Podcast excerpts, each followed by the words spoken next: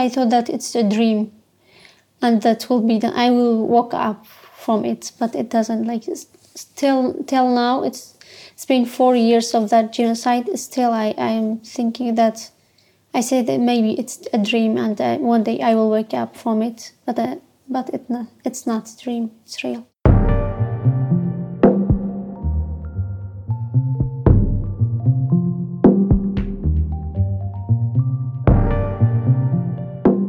How do you continue to live when overnight you lose everything? Zina Hamu, a Yazidi schoolgirl, had a dream to become a pediatrician. She studied hard to finish school in her hometown in northern Iraq. But one night in 2014, ISIS terrorists occupied her hometown where Yazidi community was living. Zina and her family needed to leave immediately. I brought nothing with me. We fled only by ourselves, the clothes that we were wearing, some food and uh, some bread and water. They spent nine days living in the mountains without food or water. Then they moved to a refugee camp where Zina spent two years of her life. In the camp, she could no longer continue her studies, but with the help of the international community, she started to take photos. Zina became a photojournalist documenting her life as a Yazidi refugee.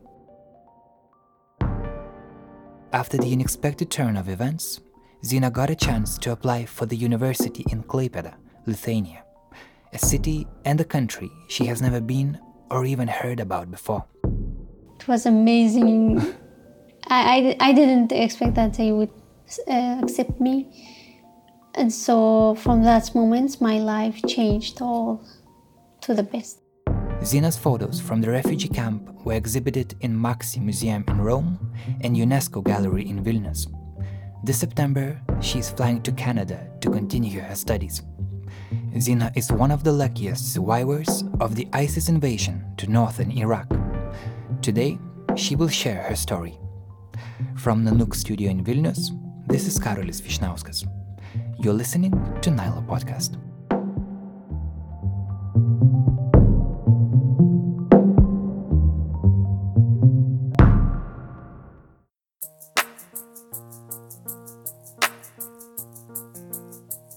Yazidi religion is one of the oldest in the world.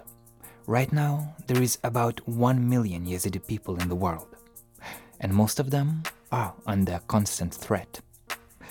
When ISIS invaded northern Iraq, they saw Yazidi people as a religious minority that needs to be eliminated.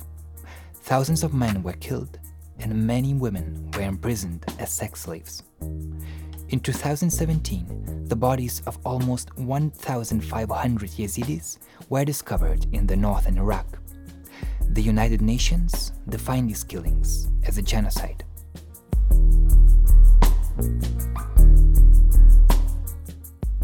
With her photos, Zina wants to tell the world of what happened to Yazidi people. In April, she was the guest of the International Journalism Festival in Perugia, Italy.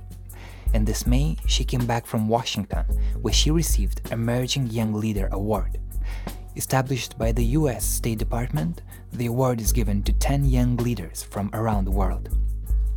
Zina's family is still living in a refugee camp in Iraq, she struggles to keep contact with them because of the lack of electricity and internet in the camp.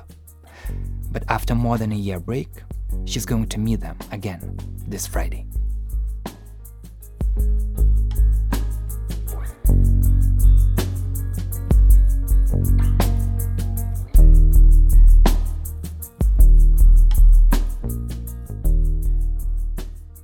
Is it hard to tell your story again and again Yes, like and, and it's it's hard to say, but it's uh, like I want to tell, but uh, not every time I, I say all the details. But in Italy, the, in the International Journalism Festival was the first time I was saying the, all the details. It was painful for me. Like when I say all the details, it's hard. But sometimes briefly, when I talk, it's easy for me. Why do you think it's important to tell your story?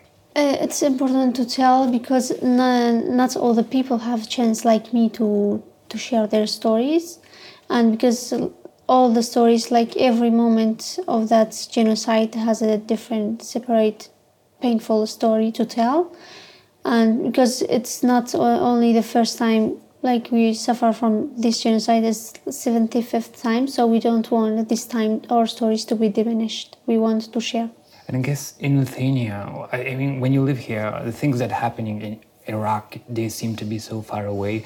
And for example, the word Yazidi, you hear it on the news, but it's, it's quite hard to understand what is it, what is a Yazidi, Yazidi religion, um, what, what it's all about, like how it is different from Christianity or how it is different from Islam. Could you tell, uh, like a brief introduction, what is Yazidi religion? Uh, because it's one of the oldest in the Yeah. in the world. Yeah. Yeah, our Yazidi religion, religion is one of the oldest religions in the world. And we, we almost, we say our religion is, is close to Christianity because we have a similar, like your Easter and our New Year, we have the similar ceremonies of like uh, coloring eggs, boiling them, we have the same. And we, we also believe in one God and seven angels. Uh, but we, what is the difference from other religion? We don't have uh, like uh, a scripture. We don't, we don't uh, practice uh, praying by reading a scripture or something. We just talk to God, and we have our temples, holy temples, to visit and for special days and to celebrate our uh, religious ceremonies. Mm. And you, when you were growing up in Iraq, how important was religion for you? One religion, I, I don't know. I, uh, I always like uh, respect my religion and other religions, but I'm not that uh, religious people uh, person. I I respect and I practice everything, but not uh, deep, not deeply. Yeah. So, in order to understand what happened in uh, your community, we need to understand how it, the, the whole station was before. Uh, could you tell until 2014 how did your life look like in northern Iraq before ISIS came there? the the life was like very simple like before isis we had uh, our schools our like uh, services we had in our country in our regions but uh, there was not uh, not super developed but we were satisfied with our lives and because it was simple and we were happy with it You were going to school at that time? Uh, yeah, I was uh, I was at school, and the, in 2014 I was uh, at the last uh, uh, grade of high school. I was preparing my exam, but because of ISIS, they were cancelled, and I couldn't finish in my region. Mm. And and how uh, this invasion of ISIS? How did how did it happen? Did you were you expecting it, or it just happened overnight? like uh, because ISIS was, was controlling the surrounded areas by our of our uh, regions for six months. Uh, it was not, uh, we expected that they would uh, like attack us too, but we did not expect the the crimes that they they did for yeah, like uh, capturing girls, uh, killing men and children, training children in military. We, we didn't expect any of this. We didn't expect that that at mid of night they would attack all our girls and women, and they will kill the rest of the family. We didn't expect these crimes. And you know, like our expectation that of attacks too, it was not like uh, we were just saying uh, that that's uh, they maybe maybe they will attack because we said we don't have anything that they want to take because our religions were not were not developed. We said we all the families are not uh, rich; they are all poor families having a simple life. They will not. Uh, take anything they, they will not want anything from us but we, we didn't expect that they want our girls and women and yeah for slavery And their motivation is they done. Yeah, they Why do why do they think that Yazidis have to be like The Mm-hmm. washed away yeah, from, from from the world? Why?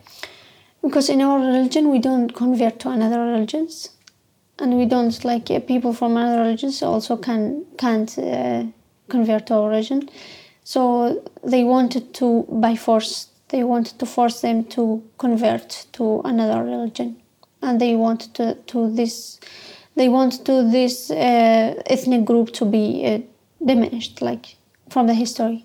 So what did you do on that day? You, uh, I- I've read in another interview that you needed to move to, to to mountains for like nine days. You have to live in the mountains. Yeah. Yeah, so when ISIS attacked in the mid of night, like some people, uh, while they were capturing some people, the others were uh, trying to, to escape uh, by, by fleeing to the mountain. We did the same, like we fled, we fled to the mountain. The mountain was the only safest place that we could uh, like live in during that time. Yeah, but not all people has a chance, and they, they were not all lucky to get to that mountain even.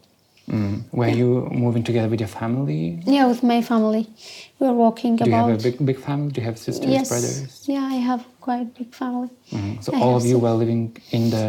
You, you for a few days you were in in the mountain. Yes, And- for for nine days, for ten days, and the eleventh day we managed to walk from the mountain.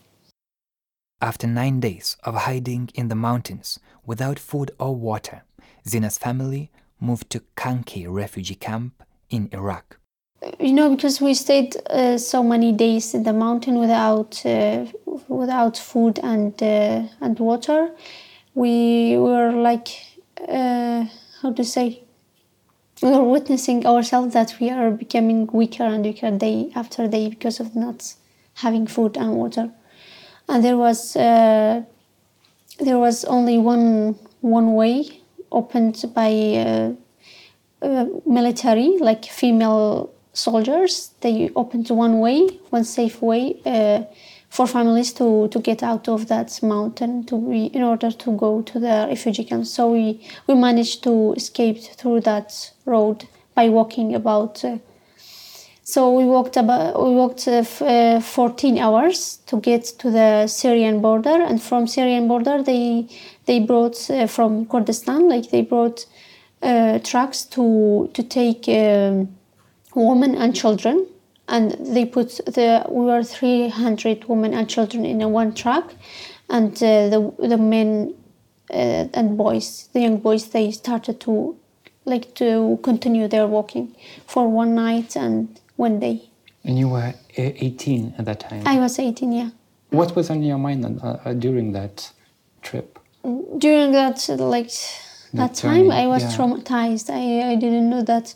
I even was not all the time feeling scared, like traumatized. I, I thought that it's a dream, and that will be the I will walk up from it, but it doesn't. Like still till now, it's it's been four years of that genocide. Still, I I am thinking that I say that maybe it's a dream, and uh, one day I will wake up from it. But uh, but it not, it's not a dream. It's real because it's very hard to to expect something like that from young age. At Yeah. 18, 18 years old, you have your all like the best things in your life.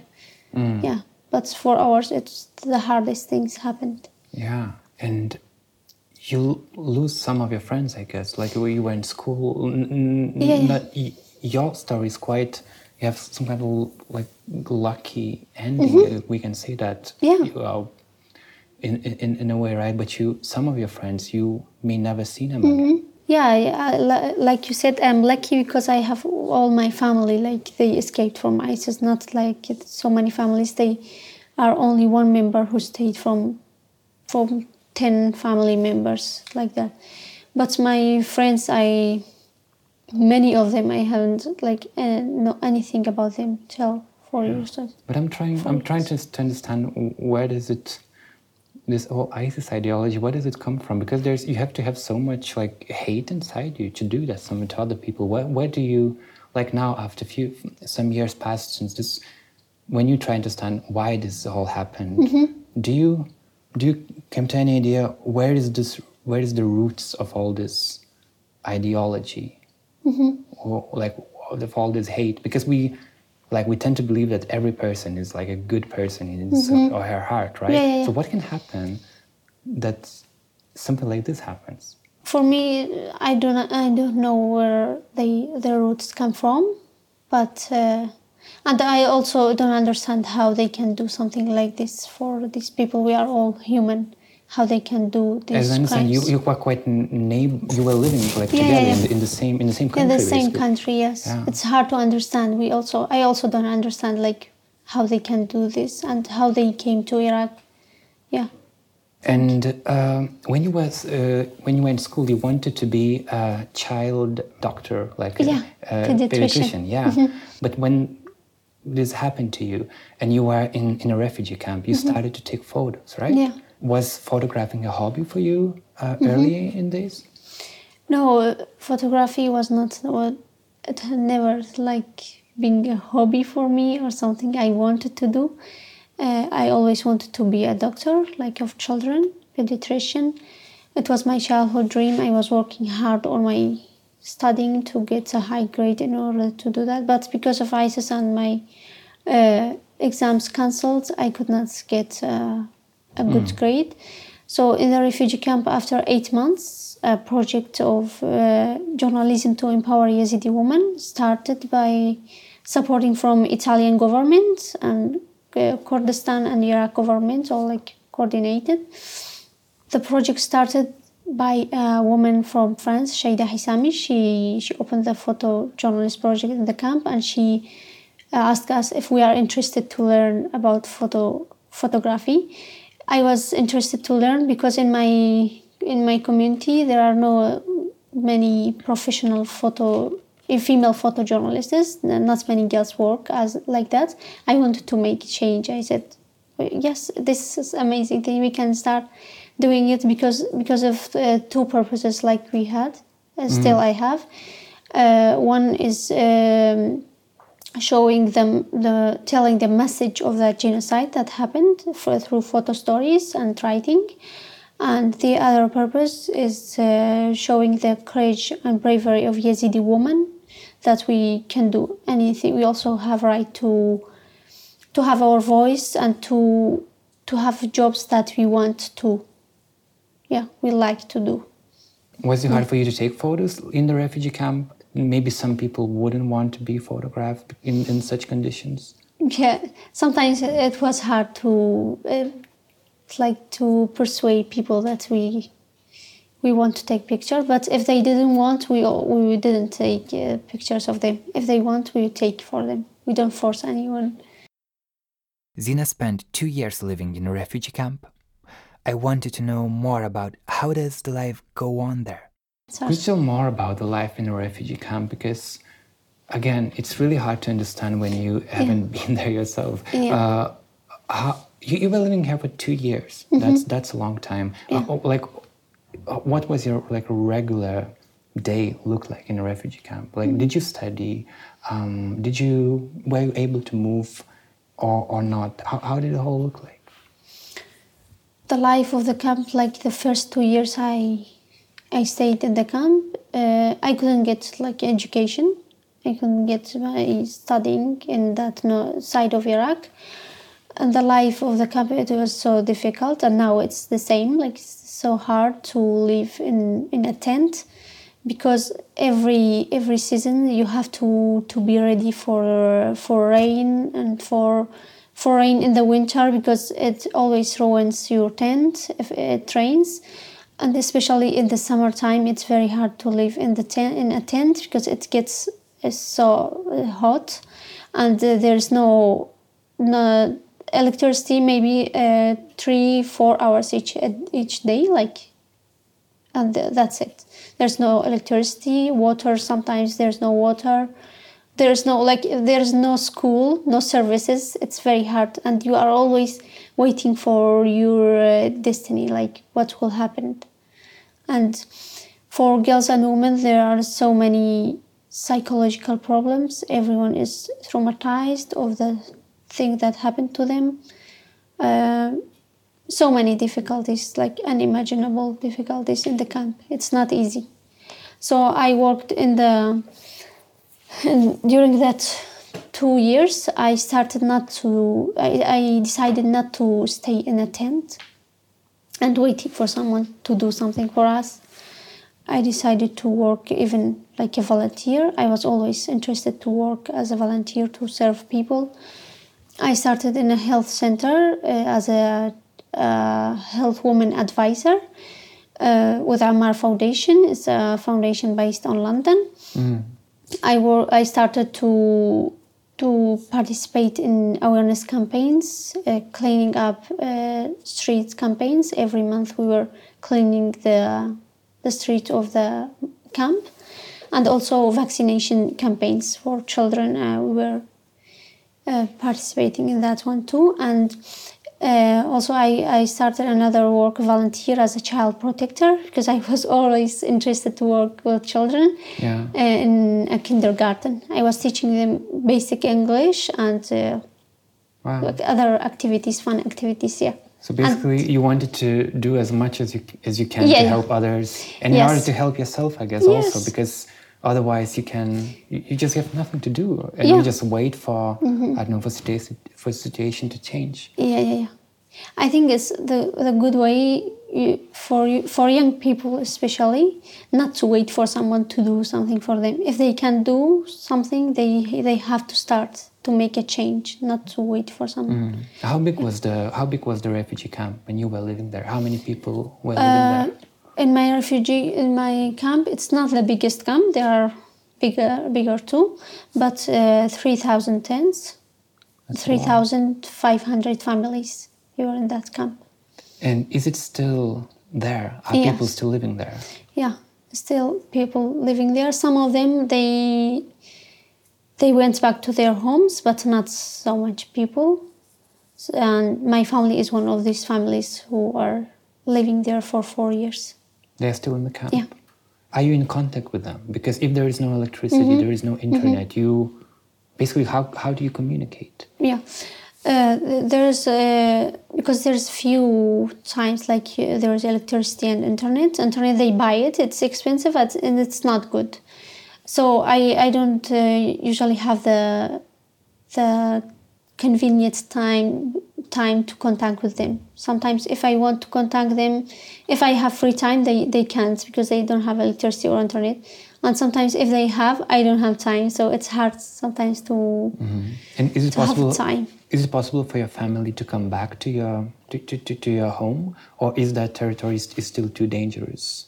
Because you said some of the people Yeah. came back, but it's dangerous. Yeah, so, some of people like my region, there are there's two sides of Iraq. One side is safe, like the the homes, some people are returned, but my, the other the side of my region, it's uh, still uh, dangerous because of bombings. Uh, some people they returned and they they were killed because of bombings and and my home is one of these are destroyed. We can't live in it until like it's rebuilt. If the, there's a possibility, if the if the like the homes rebuild, they they might go back.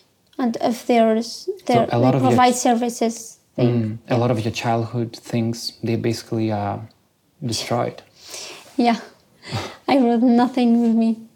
We fled only by ourselves, the clothes that we were wearing, some food and uh, some bread and water.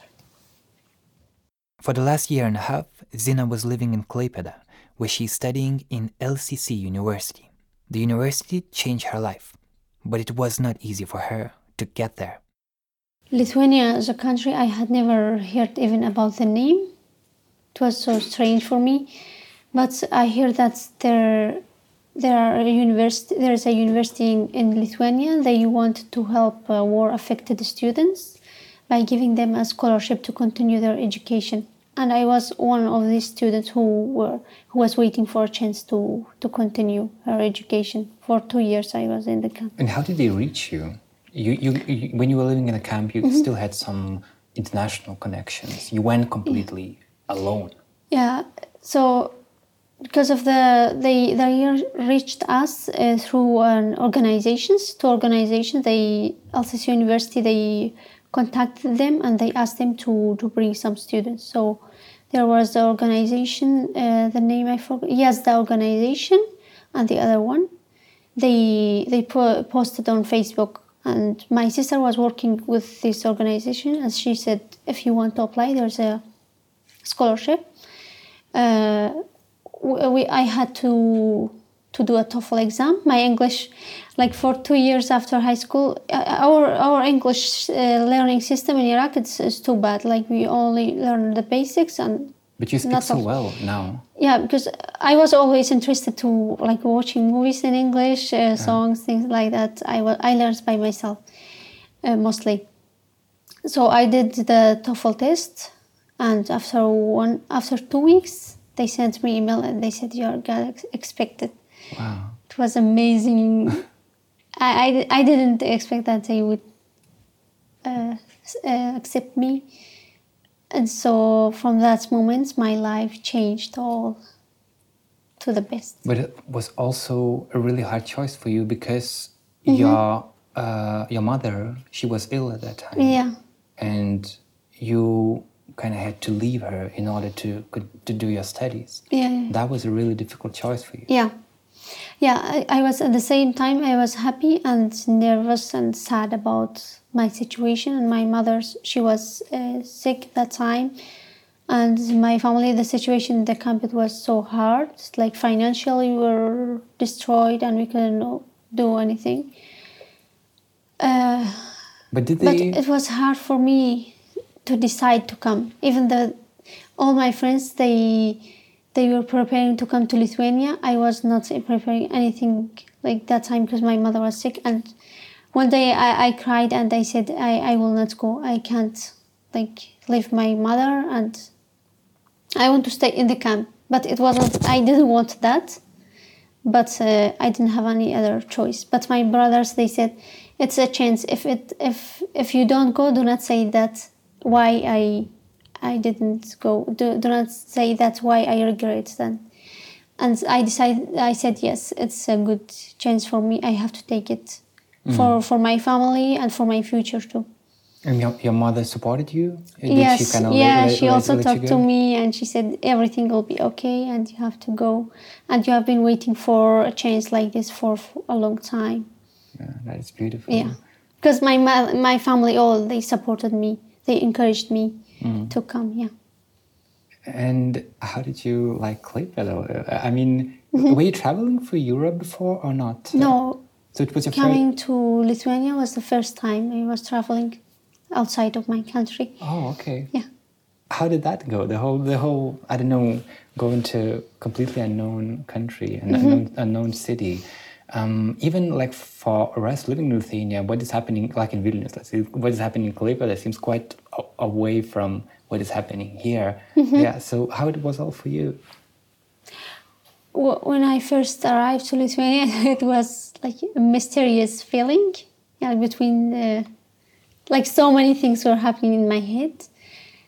But the first I came, it was all uh, snowing. The I, I arrived at night, You arrived in and in my country, like uh, usually we, we see snow uh, once a year or twice. It was so strange for me to see all this snow and like it was everything was new for me. Yeah i I was excited and uh, well, like how to say i wanted to to experience new things in this country And now, for, after two, two years, that's how long are you studying? one in- one year and four months Okay. Mm-hmm. Uh, do you feel that you, you got used to this like European kind Yes, of, of lifestyle?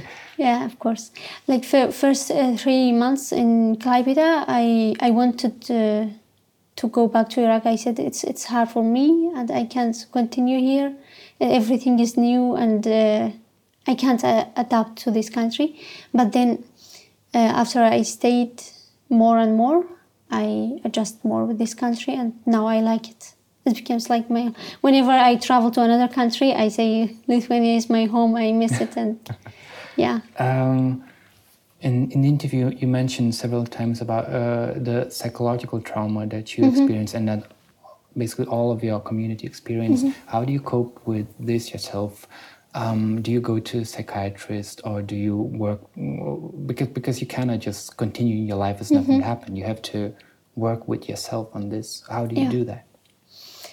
in the refugee camp I, I, I worked uh, as a assistant for a psychological doctor for three months only for three months i was bringing the women and girl who suffer from like trauma these things uh, there are some organizations they help uh, these women and girls. They they provide them uh, how to say ins- inspired uh, sessions. Like they talk to them, and some of them they give medicine, but uh, the level of of that uh, psychological problem is different from girl to another. Like the girl who stayed for a long time uh, with ISIS, it's hard for her. Some of them, doctors say it's not. There's no chance to to heal, to heal from that trauma. Yeah, but for some of them, they they it, it helps them.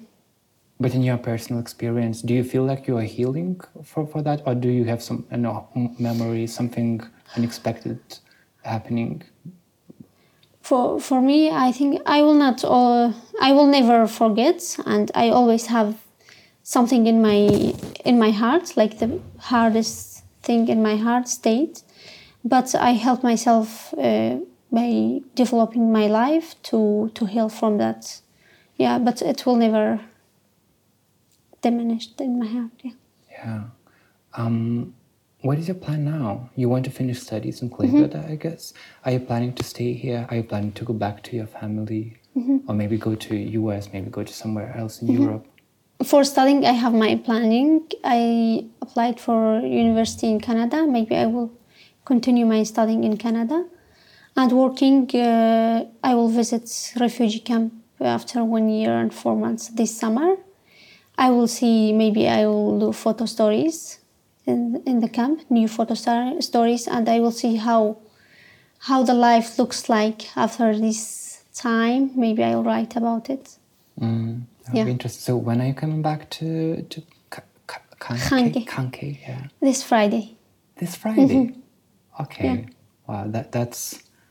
Uh, uh, what I thought. be- yeah, before because that that's going to be an really emotional moment. You haven't seen your Yeah, family I haven't in seen my family. almost two years. yeah Wow. So we wish you best of luck on coming back to see your family. And thank you for talking. Thank you so much. Thank much. you talking to us. Thank you, Zina. welcome yeah. it. Yeah, that's it.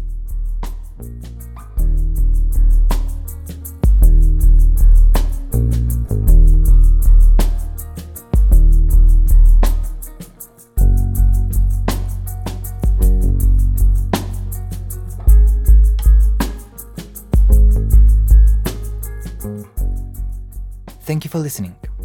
Go to nyla.lt to see the behind the scene pictures of our interview with Zina Hamu. They are taken by Mindaugas Drigotas. We want to thank the US Embassy in Lithuania for helping us to organize the interview with Zina. And of course, thanks to our listeners who support Nyla Podcast on Patreon. Our page is patreon.com slash nanook multimedia. This week's patrons are Ruta Bučiūnaitė, Žilvinas Brazauskas, and Andrius Petrauskas. Our longtime supporter, Silvia Burbaita, raised her pledge from 7 to $12 per month. We are thankful to all of these people. If you want to join them and support Nanook journalism, here's the address again patreon.com slash Nanook Multimedia.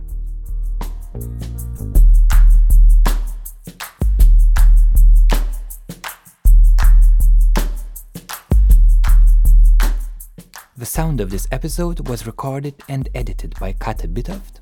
The original music was written by Martinas Gailius.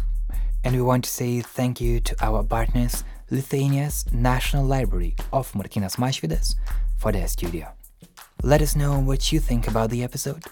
Our email address is nyla at nanook.lt. If you like the episode, please share it on social media. Believe it, that means a lot to us. My name is Karolis Vyšniauskas. I was a host and editor of this episode. Nyla Podcast is an independent production of Nanook Multimedia Agency in Vilnius. See you next week. Take care.